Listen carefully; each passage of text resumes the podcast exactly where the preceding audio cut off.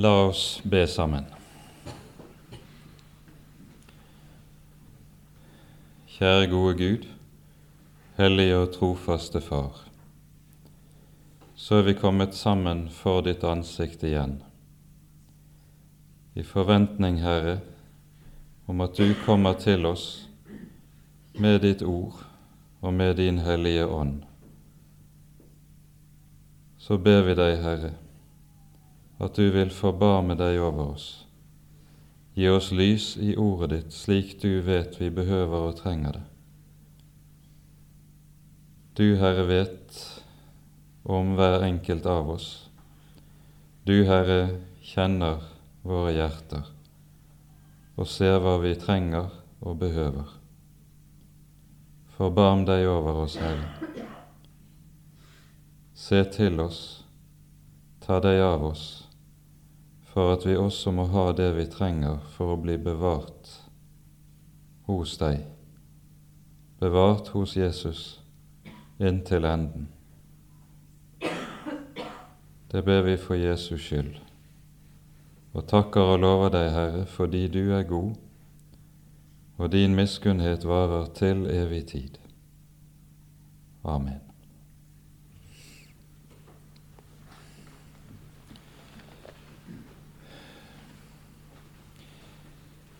Vi fortsetter altså i dag med profeten Hosea og se på en del av det som eh, vi finner i budskapet i hans bok. Og eh, I dag hadde jeg tenkt at vi skulle stanse for en side ved det vi møter hos Hosea, som eh, i grunnen aller klarest settes ord på, ikke i Hosea-boken selv, men i annen kongeboks 17. kapittel. Og så skal vi komme innom konkrete steder i Hosea eh, etter hvert. Vi har vært innom dette kapittelet i annen kongebok 17 tidligere. Eh, i det vi her hører om hvorledes Nordriket går til grunne. Eh, Ca. 25 år etter at Hoseas profetiske gjerning er avsluttet. Og så hører vi fra vers 7 av i dette kapittelet om eh, hvorledes på profetisk vis vi finner begrunnelsen for at dette skjedde. Og Så er det da en særlig side ved denne begrunnelsen vi skal se nærmere på. Vi leser i sammenheng da fra vers 7 av noen vers. Således gikk det, fordi Israels barn syndet mot Herren sin Gud, som hadde ført dem opp av Egyptens land og utfridd dem av den egyptiske konge faraos hånd, og fryktet andre guder, og vandret etter de hedningefolks skikker som Herren hadde drevet bort for Israels barn, og etter de skikker som Israels konger hadde innført. Og Det vi særlig skal stanse opp for, er det vi hører her i vers 8. De vandret etter de hedningefolks skikker som Herren hadde drevet bort for dem. Hopper vi til vers 11 i samme kapittel, så står det slik De brente røkelse der på alle haugene, like som de hedningefolk Herren hadde drevet bort for dem. Merk dette like som. Og Hopper vi til vers 15 videre, så står det slik De forkastet hans bud og den pakt han hadde gjort med deres fedre, og de vitnesbyrd han hadde gitt dem, og fulgte de tomme avguder og ble dårlige, og de etterlignet de hedningefolk som bodde rundt omkring dem, om hvilke Herren hadde budt dem at de ikke skulle gjøre som de. Vi ser altså at i dette kapitlet hvor Herren viser hva som er bakgrunnen for at Nordriket gikk under, så sies det uttrykkelig tre ganger dette at Israel tok etter de hedninge folk og deres skikker som de bodde iblant.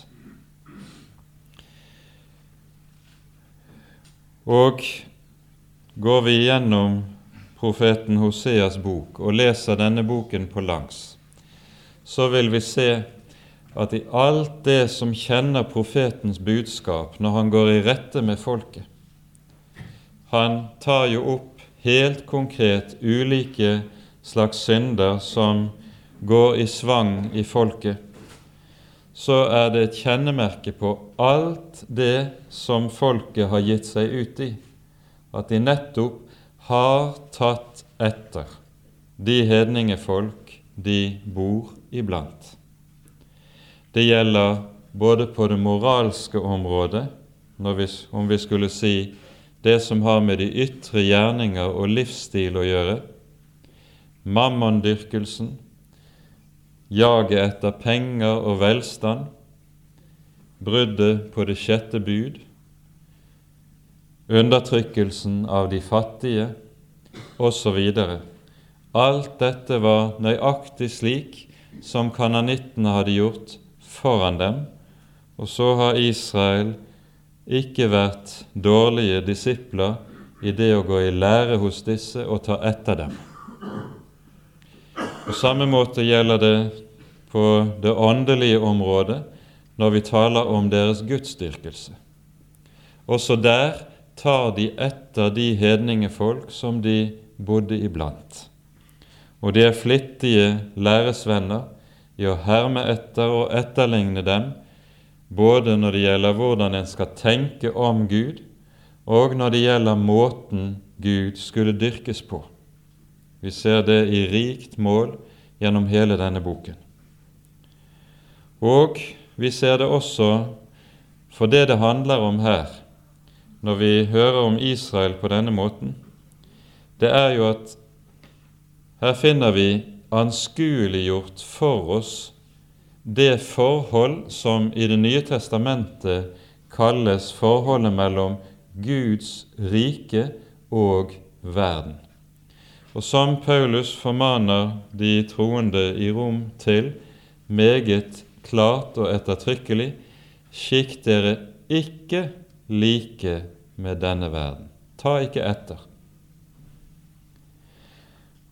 På dette området også er det altså slik at Israel er satt for våre øyne som et advarende forbilde, og vi skal dykke litt mer ned i dette temaet og se hva Skriften sier om denne saken. Og Da tror jeg det første vi skal gjøre, det er å se på hva Herren sier i sin lov om disse ting. Og Da leser vi fra Tredje Mosebok, fra det 18., 19. og 20. kapittel, skal vi se på noe av undervisningen der.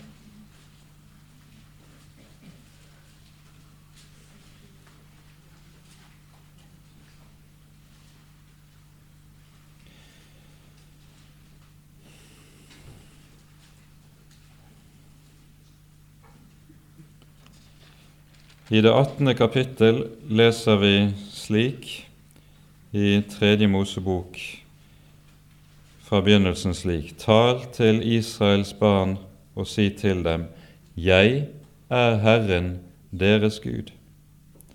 Dere skal ikke gjøre som de gjør i Egyptens land, som dere bodde i, og dere skal ikke gjøre som de gjør i Kanans land, som jeg vil føre dere til.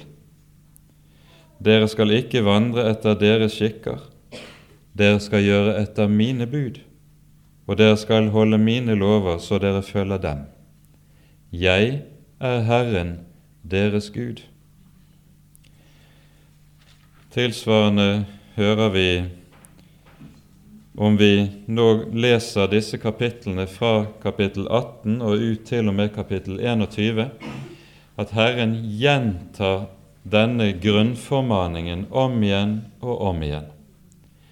Og så står den stadig der som en advarsel, og så konkretiseres den. Dere skal ikke gjøre slik, dere skal ikke gjøre slik. Og så nevnes det ulike slags konkrete synder på forskjellige områder, og så sies det således gjør alle de hedningefolk som jeg driver ut for dere. Dere skal ikke gjøre som de. Og Det som er det grunnleggende bud og den grunnleggende formaning fra Herren i denne sammenheng, er det vi hører i kapittel 19, i første verset, to versene der. Herren talte til Moses og sa, tal til Israels barns menighet og si til dem, dere skal være hellige, for jeg, Herren deres Gud, er hellig. Når Herren tar Israel ut, tar det, dette folk til seg for at det skal være hans folk, så er det Guds hensikt med nettopp at han tar dette folk ut, tar det til side, det er at dette folk skal være det hellige folket. Og Nå vil de fleste av dere vite at ordet 'hellig' det betyr rett og slett å være utskilt fra verden for å være innviet til Gud. Ordet 'hellig' kommer av en grunnstamme i hebraisk språk som betyr nettopp å dele i to, slik at man adskiller de to, så de ikke lenger har noe berøringspunkt med hverandre. Og det å hellige, det betyr nettopp dette. Herren tar seg ut et folk for sitt navn, for at dette folk skal være det hellige folket. Og Derfor hører det med som helt naturlig som en konsekvens av dette at Herren sier om igjen og om igjen dere skal ikke gjøre som de. Og så taler han om de omkringliggende folkeslagene hvorledes de lever. I slutten av kapittel 20 her i Tredje Mosebok så hører vi videre slik. Vers 26 leser vi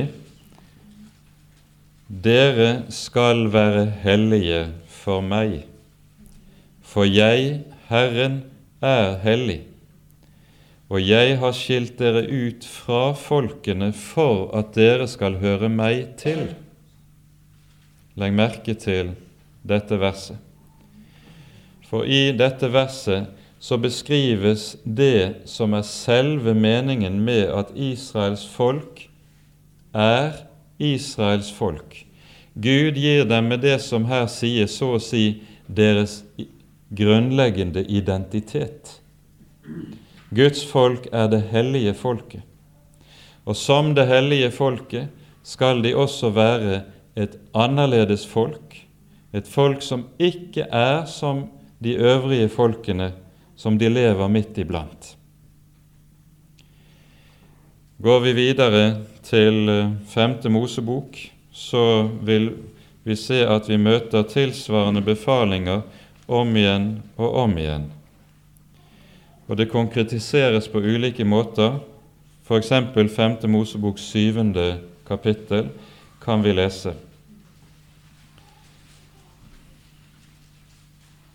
Her taler Herren om hvordan de skal møte strid og motstand fra kananittene når de går inn i landet, og så leser vi fra vers 2 i dette syvende kapittel. Når Herren din Gud gir dem i din vold, så du vinner over dem, da skal du slå dem med bann. Du skal ikke gjøre en pakt med dem og ikke vise dem nåde. Du skal ikke inngå svogerskap med dem. Du skal ikke gi dine døtre til hans sønner, og ikke ta hans døtre til hustruer for dine sønner, for de vil få dine sønner til å vike av fra meg, så de dyrker andre guder. Og da ville Herrens vrede opptennes mot dere, og han vil hastiggjøre ende på deg. men således skal dere gjøre med dem. Deres altere skal dere bryte ned. Deres billedstøtter skal dere slå i sønder. Deres astartebilder skal dere hogge i stykker, og deres utskårne bilder skal dere brenne opp med ild. For et hellig folk er du for Herren din Gud. Deg har Herren din Gud utvalgt av alle de folk som er på jorden, til å være hans eiendom. Og Legg merke til igjen, vers 6 står her som begrunnelse. Som det hellige folket skal det være en skillelinje i forhold til det hedenskap som de blir boende midt iblant. Hopper vi til det tolvte kapittelet, så vil vi se noe tilsvarende. Vi leser fra vers 1. Dette er de bud og de lover dere skal akte på å leve etter i det land Herren dine, dine fedres Gud har gitt deg til eie, alle de dager dere lever på jorden. Dere skal ødelegge alle de steder hvor hedningene som dere skal drive bort, har dyrket sine guder på de høye fjell og haugene og under hvert grønt tre. Dere skal rive ned deres altere, slå deres billedstøtter sønder. Og så gjentas dette som vi har hørt, og så sies det i vers 4.: Dere skal ikke gjøre som de når dere dyrker Herren deres Gud. Men til det sted Herren deres Gud utvelger av alle deres stammer for å la sitt navn bo der, dit skal dere søke og dit skal du komme. Her sies det altså med andre ord ikke bare skal Israel være det annerledes folket på det moralske området. Herren gir dem de ti bud og sier 'slik skal dere leve'. Og de ti bud definerer ganske konkret hva det hellige livet dreier seg om. Samtidig, i de ti bud, så sier Herren også meget tydelig og klart hvorledes Israels Guds tro skal skille seg fra hedningenes tro som de bor midt iblant. De er det hellige folket. Men også i det vi her hører, så føyes det en sak til. Dere skal ikke gjøre som de når dere dyrker Herren deres Gud. Israels gudstjeneste skal også være ulik den gudstjeneste som de finner blant hedningefolkene. Og Her skal vi legge nøye merke til denne sak, for dette er noe som vi kanskje ikke alltid tenker over, men saken er jo den at den gudstjeneste og den gudstjenesteform vi har i vår midte, den forteller helt avgjørende saker om både hvem vi er, hva vi tror, og hvem den Gud er vi søker når vi kommer sammen til gudstjeneste. Gudstjeneste er ikke bare en tilfeldig oppsamling av sanger og liturgiske tekster. Nei, gudstjenesten har det med seg at den forteller disse grunnleggende ting. Hvem vi er som Guds folk, hvem den Gud er som vi tror på, og altså også hvordan vi hører ham til. Derfor sier alltid gudstjenester og samlinger svært meget om de som kommer sammen, enten når formen er den ene eller den andre, og vi må aldri tro at formen er likegyldig. Formen er uhyre betydningsfull. Og så sier Herren altså, som han sier i denne sammenheng, dere skal ikke gjøre som de når dere dyrker Herren deres Gud. I tråd med dette så får Israel altså hedersbetegnelsen at de er Guds folk de er det hellige folket, de er Herrens eiendomsfolk. Og når folket står på Moabs ødemarker, ved Jordans bredder, og venter på å gå over Jordan, så hører vi om en særlig og særegen tildragelse. En av Israels fiender henter en berømt magiker og spåmann, Biliam, for å forbanne folket. Og så hører vi om hvorledes Biliam av Herren tvinges til, i stedet for å forbanne, å velsigne Herrens folk. Og nå skal vi høre hva Biliam hvilke ord Biliam legges i munnen av Herren, for han taler her viktige ord om Israels folk. Fjerde Mosebok, kapittel 23. Vi leser fra vers 9. Fra fjellets tinde ser jeg ham, fra høydene skuer jeg ham. Se, det er et folk som bor for seg selv. Blant hedningefolk regner de seg ikke. Her sies altså nøyaktig det samme, helt avgjørende om Guds hellige folk. Blant hedningefolk regner de seg ikke. De er det annerledes folket. Hopper vi til Dette er hentet fra Biliams første velsignelse. Hopper vi til hans annen velsignelse, så leser vi slik i, fra uh, vers 20 i samme kapittel. Se, og velsigne ble meg gitt.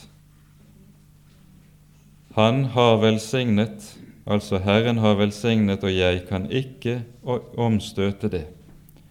Ei skuer Herren urett i Jakob, ei ser han elendighet i Israel. Herren hans Gud er med ham, og kongejubel lyder der. Gud førte ham ut av Egypt, styrke har de som en villokse. For ikke finnes det trolldom i Jakob, og ikke spådomskunster i Israel. Når tiden er der, blir det sagt til Jakob og til Israel hva Gud vil gjøre. Og på ny, legg merke til det som sies i vers 23. For her pekes det kanskje på et av de, de mest avgjørende forskjellene mellom Israels folk og hedningefolkene. Ikke er det spådomskunster i Israel, og ikke trolldomskunster. Det er det rikelig av blant hedningene.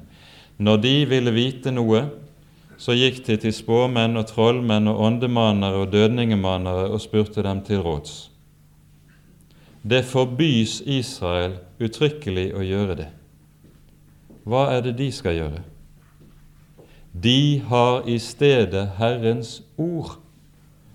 Og det er Herrens ord som er deres særlige kjennetegn, og som gjør at de for det første ikke trenger den slags spådoms- og trolldomskunster som de øvrige gjør seg nytte av, og for det andre så blir dette ord Israels egentlige kjennetegn. Det er dette ord som gjør Israel til det hellige folket. De har et ord som ingen andre har, og det er dette ord, det er ved dette ord de også blir det hellige folket. Derfor er det også Herren om igjen og om igjen sier som han gjør det. Dersom dere tar vare på dette ord, da skal dere være mitt folk. Da skal dere leve lenge i det land jeg gir dere. Men så husker vi av bibelhistorien hvordan det går. Det å holde fast på dette Herrens ord, det er ikke så helt enkelt for folket. Og Går vi til dommerbøkene, så kommer vi nokså raskt inn i den tid hvor dette ord blir forlatt. Vi leser fra dommerboken i det annet kapittel, det tiende vers. Her tales det om hvordan Josva og hans samtidige slekt etter hvert blir borte, de gamle fedrene som hadde vært folkets ledere, de dør. Og så står det fra vers 10.: Da hele denne slekt var samlet til sine fedre, og det etter dem vokste opp en annen slekt som ikke kjente Herren, og heller ikke de gjerninger Han hadde gjort for Israel. Da gjorde Israels barn det som var ondt i Herrens øyne, og dyrket balene. De forlot Herren, sine fedres Gud, som hadde ført dem ut av Egyptens land, og fulgte guder av de folks guder som bodde omkring dem. De begynner å innrette seg etter hedningene og deres skikker. Og så kommer dommertiden med all den ulykke som er der. Og skal vi nå samle alt det som skjer i disse årene frem mot det vi hører i 2. kongebok 17. kapittel, som vi innledet med å lese fra, så kan det kanskje aller best skje ved det vi hører i 1. Samuels boks 8. kapittel. Her hører vi ved dommertidens avslutning om hvorledes Israel nå krever å få en konge. De er ikke fornøyd med å ha dommere som skal føre dem og lede dem lenger, men de vil ha en konge. Og det er i og for seg intet galt i det. Det som er galt, det er den begrunnelse som folket gir kravet og ønsket om å få en konge. Og Denne begrunnelsen hører vi i vers 20 i 1. Samuels boks 8. kapittel.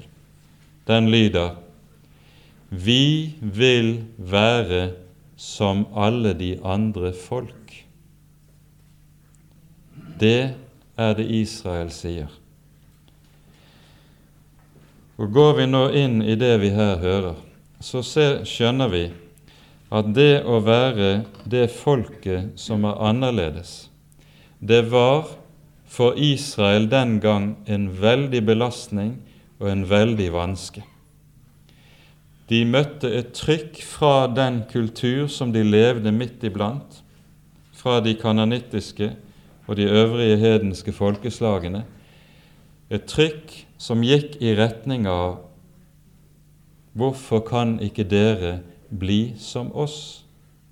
Hvorfor skal dere være annerledes?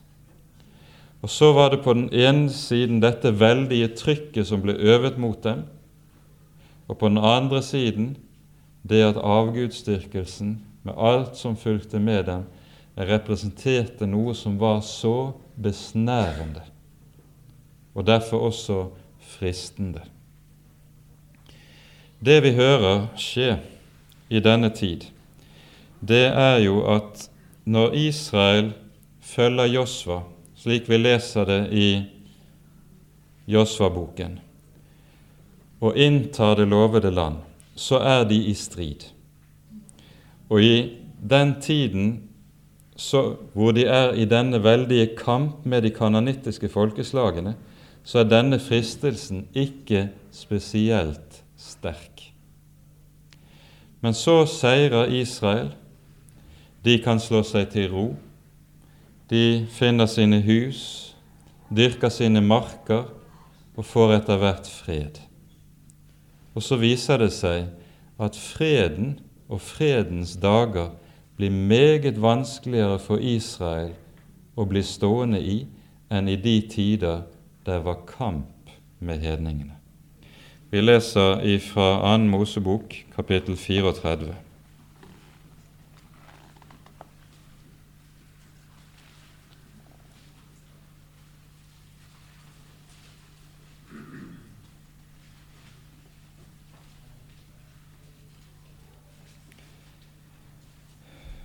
Vi leser fra vers 14 til 16. Du skal ikke tilbe noen fremmed Gud for Herren heter nidkjær, en nidkjær Gud er Han. Ta deg i vare så du ikke gjør noen pakt med landets innbyggere, for de vil drive avgudsdyrkelse og ofre til sine guder. Og når de da innbyr deg, så vil du ete av deres offer. Og du vil ta hustruer blant deres døtre til dine sønner, og deres døtre vil drive avgudsdyrkelse med sine guder, og få dine sønner til å gjøre det samme. Så lenge Israel var i strid og i kamp, da var fristelsen til å innrette seg like med kananittene ikke så sterk. Men så kom fredsdagene, og så ble det innbudt til gjestebud. Så kom fristelsen til å knytte allianser og forbindelser. Da falt de. Og så ser vi i dette noe som er ganske karakteristisk. Når man begynner å føle seg trygg, da er det en faller. Det er det som skjer med Israel, og så blir det til slutt det som kommer, og som vi hører om i 1. Samuels bok 8. Vi vil være som alle de andre folk. Og om igjen og om igjen hører vi dette skje oppover Guds folks historie. I Oldkirken finner vi noe tilsvarende. De første tre århundrene i Kirkens historie var jo en meget svær tid. Da var det i all hovedsak forfølgelsestider for den kristne menighet, og det å høre Jesus til, det å bekjenne Kristi navn, det kunne ha de aller sværeste omkostninger. Da representerte ikke verden og verdsligheten den store fare for Kirken. Men så kommer keiser Konstantin. I 313 oppheves alle lover mot de kristne. Den kristne kirke får fred. De kan begynne å reise sine kirkebygg. Ingen biskop og prest rundt om i menighetene behøver lenger å frykte for sitt liv. Tolv år senere samles Den kristne kirkes ledere til kirkemøte i Nikea, og ved dette kirkemøtet sitter under over alle under keiseren som hedersgjest. Og den kristne tro er blitt riksreligion. Nå går det ikke svært mange år før nettopp det samme skjer med den kristne kirke som med Israel da de fikk fred. Verdsliggjøringen av Kirken begynner å skyte fart. Fredsdager er ofte det farligste dager for Guds folk og for den kristne kirke. Og akkurat som vi var inne på det tidligere, at velstandstider representerer en særlig prøve for Guds folk, så kunne vi også si det slik fredstider representerer også en slik særlig prøve på troskap. Og så kommer vi da til Hoseas dager, hvor gudsdyrkelsen går i, etter hedningenes mønster. Vi hører i kapittel 4, det sies i vers 12 slik Mitt folk spør sitt trestykke til råds, og dets kjepp gir det svar.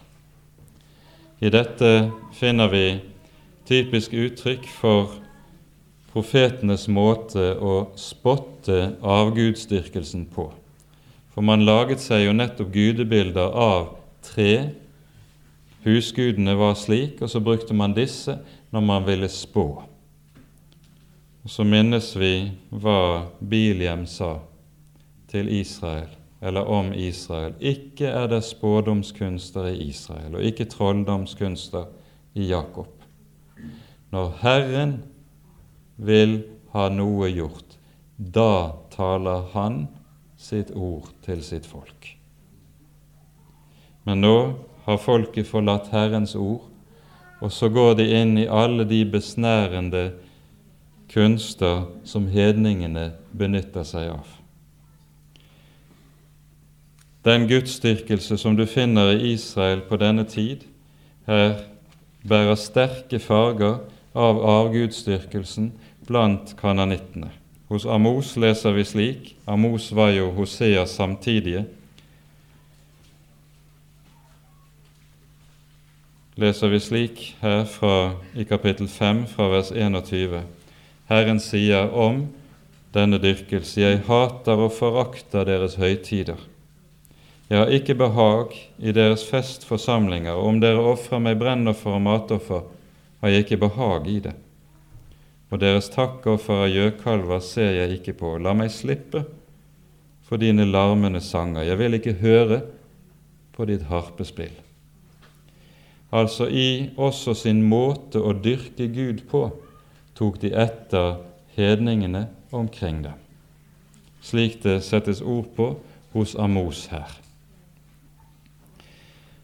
Dette symboliserer eller er forbilledlig uttrykk for det vi kunne si det er verdens stadige fristelse til Guds folk, eller overfor Guds folk, til å skikke seg like med.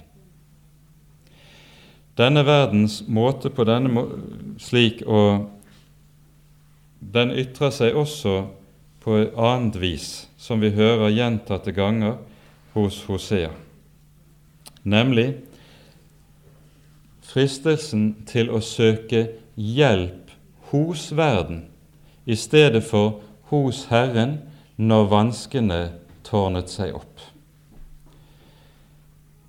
Vi har vært inne på tidligere når vi talte om Hoseas tid, hvorledes først syrerne representerte den veldige trussel mot Israel, og som de ble fridd fra ved Jeroboam. Men hva var årsaken til at Jeroboam så å si vant luft for Nordriket i sin tid?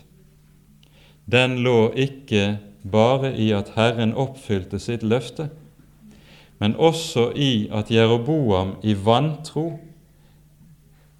gikk til bestemte politiske og militære foranstaltninger. Og hva bestod disse i? Vi leser i Hosea kapittel 5, vers 13. Da Efraim så sin sykdom, og Judas sitt sår.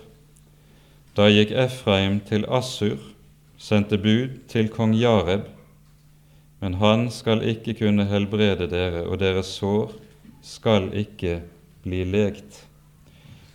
Kapittel 7, vers 11 sies det slik:" Men Efraim er blitt som en enfoldig due, uten forstand. På Egypt kaller de, til Assur går de. Hva er det som sies her? Folket har opplevd og erfart den veldige trusselen som syrerne representerer. Hva gjør de da? I stedet for i nødstidene å lytte til profetens ord som sier:" Vend om til Herren, så skal Han utfri dere.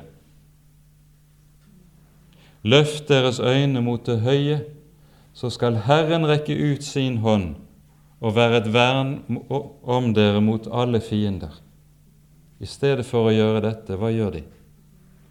De sender ambassadører til Asyrias konge og ber om hjelp fra ham, han som representerer verdensmakten med all den styrke og velde.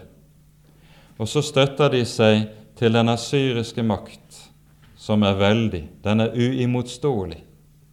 Og asyrerne lar seg ikke be to ganger. De kommer snart, når de har fått sin penge, sin betaling i gull og sølv fra kongen i Samaria, så går de mot Syria, og så overvinner de asyrene. Overvinner de Syria. Og så får Israel luft. Men nettopp det at Israel på denne måten støtter seg til verdensmakten i stedet for å vende seg til Herren, det blir i neste omgang ikke bare deres akilleshæl, men deres undergang. For i dette kommer en annen sak til syne som vi ser i det vi ofte kaller verdens sinne som er en fare for Guds folk. Vi stoler på og setter vår lit til det vi kan se med våre øyne, i stedet for å vende øynene til Herren, som vi ikke ser og ikke kan ta og føle på. Dette har vi aller klarest eksempel på hos profeten Jesaja i det 30. og 31. kapittel, hvor dette er satt ord på. For mens den Nordrikets konge inviterer asyrerne til hjelp mot fienden, så tyr Sydriket til noe av det samme hjelpemiddelet. De sender bud til Egypt for å få hjelp. Og Herren hadde i Mosebøkene gitt uttrykkelig befaling og sagt dere skal aldri søke hjelp hos Egypt. Dere skal aldri vende tilbake den veien for egypterne representerer nettopp verden som Israel er frelst fra. Men så kommer nøden, asyrerne kommer veltende nordfra. Og så sender de bud til Egypt. Send hjelp, send styrker, send vogner og hester, som vi kan møte fienden. Hva sier Herren da? Vers 15. Dersom dere vender om og holder dere rolige. Da skal dere frelses. I stillhet og i tillit skal deres styrke være. Men dere ville ikke.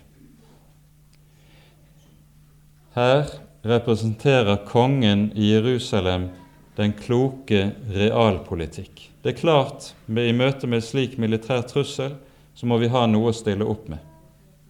Og så ser han seg om hvor han kan finne hjelp.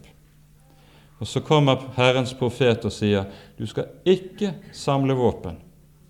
Du skal ikke søke militære allianser. Du skal ikke samle styrke for å kunne møte fienden. Du skal holde deg i ro. Du skal vente på Herren og stole på Ham. Så skal du bli utfridd. Da er det lett å riste på hodet og si dette er svermeri. Slike overåndelige folk kan vi ikke høre på. Og Det var det mange av de mektige i Jerusalem som også gjorde. Den slags svermere sender vi ut, vi kan ikke høre på de. For de har ikke føling med hva som er virkelighetens verden.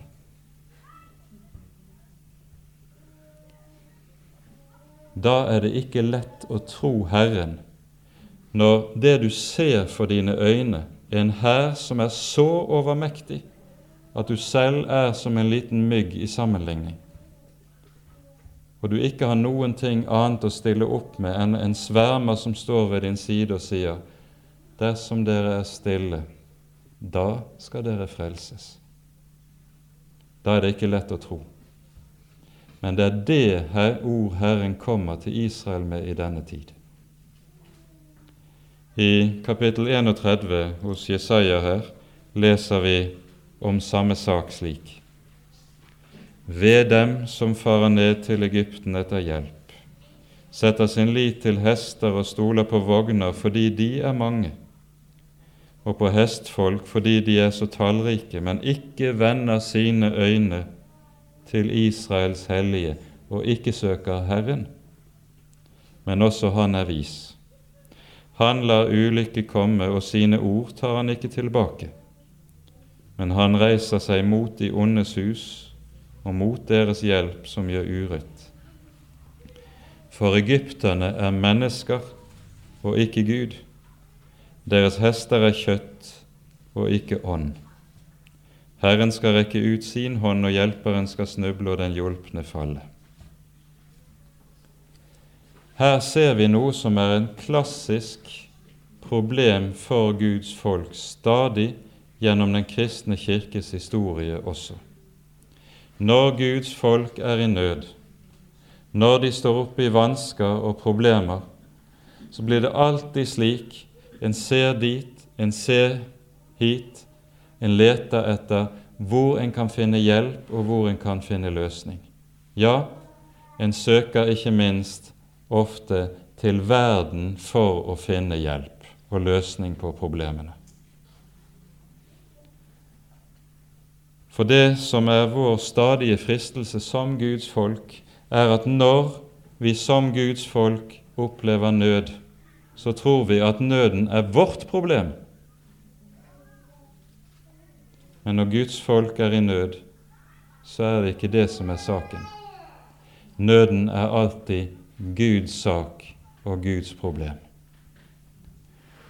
Og så er saken den at dersom vi som Guds folk søker hjelp i verden i stedet for det profeten sier, i stillhet og i tillit skal deres styrke være, så mister vi muligheten til å se Guds hånd og se Herrens hjelp og erfare det. Vi kan kanskje greie oss ut av problemene ved de allianser vi går inn i. Men så blir troen verdsliggjort, og vi lærer ikke hva det vil si å regne med å bie på Han som er Herren. For dette er Herrens måte og Herrens tanke om dette. Egypterne er mennesker og ikke Gud. Deres hester er kjød og ikke ånd, sier Herren.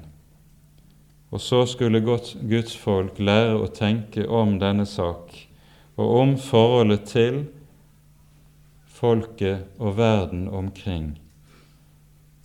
Vi søker Herren først av alle ting. Men det er ikke alltid så lett.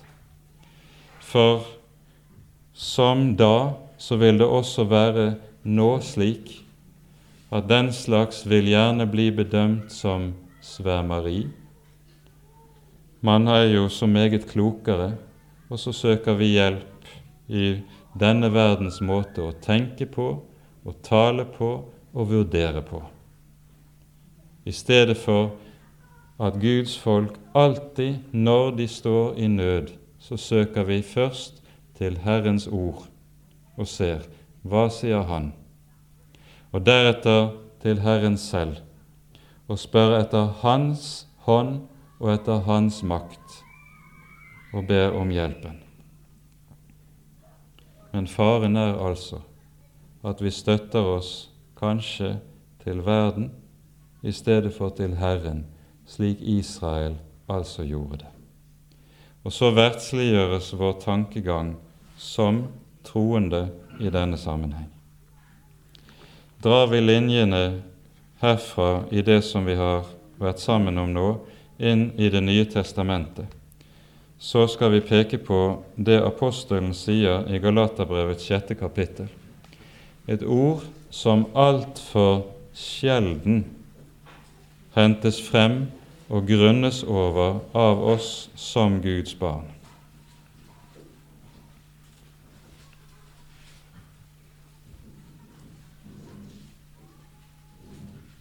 Galaterne 6, vers 14. Det være langt fra meg å rose meg uten av vår Herre Jesu Kristi kors, for ved det er verden blitt korsfestet for meg og jeg for verden. Når vi taler om det å være korsfestet med Kristus, så taler vi som regel utelukkende om det at kjødet, det vårt gamle menneske, er korsfestet med Kristus. Og sannelig, det er sant.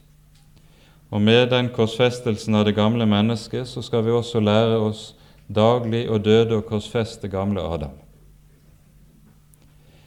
Men vi skal også lære å tenke som apostelen tenker her. Ved Kristi kors er jeg korsfestet for verden, og verden korsfestet for meg. Det representerer altså et grunnleggende og avgjørende brudd mellom verden og verdsligheten og oss som Guds folk. Hvilket altså innebærer at i Guds ord så vil denne verden alltid komme til å bedømme det som hører Herren til, det som er under korset. Det vil alltid komme til å bedømme dette som dårskap, som tåpelighet. For det som er korsfestet, det er et anstøt, sier apostelen i første Korinterbrev i det første kapittelet. Vi leser fra første kor 1, fra vers 18. Ordet om korset er vel en dårskap for dem som går fortapt, men for oss som blir frelst, er det en Guds kraft. For det er skrevet:" Jeg vil ødelegge de vises visdom, og de forstandiges forstand vil jeg gjøre til intet. Så handler det å være Guds folk om å lære seg å akte på den visdom etter Herrens ord, som verden stadig bedømmer som dårskap. Lære seg å akte på denne visdom om igjen og om igjen i bevissthet om at Hans tanker, som er himmelens og jordens herre, de er alltid andre og annerledes enn våre tanker. Som himmelen er høyere enn jorden, så således er Herrens tanker høyere enn våre tanker. Det er saken. Og så vil det alltid være et avgjørende brudd i forholdet mellom Guds folk og verden. Dette bruddet er noe som er så unaturlig for kjøtt og blod at vi trenger både å minnes om det om igjen og om igjen, og å besinne oss på det om igjen og om igjen. Det er langt fra at jeg skammer meg over Kristi kors, sier Paulus. For ved det er jeg korsfestet for verden, og verden korsfestet for meg. Og legg merke til at Paulus taler som han gjør her i Galatane 6. Han sier 'Jeg skammer meg ikke'. Han sier med andre ord 'Dette kors, som verden kanskje både smiler og hånler av.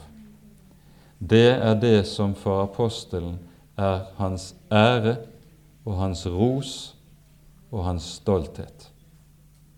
Han skammer seg ikke over dette budskap og dette kors, men han løfter hodet fordi han vet og han kjenner sin Herre.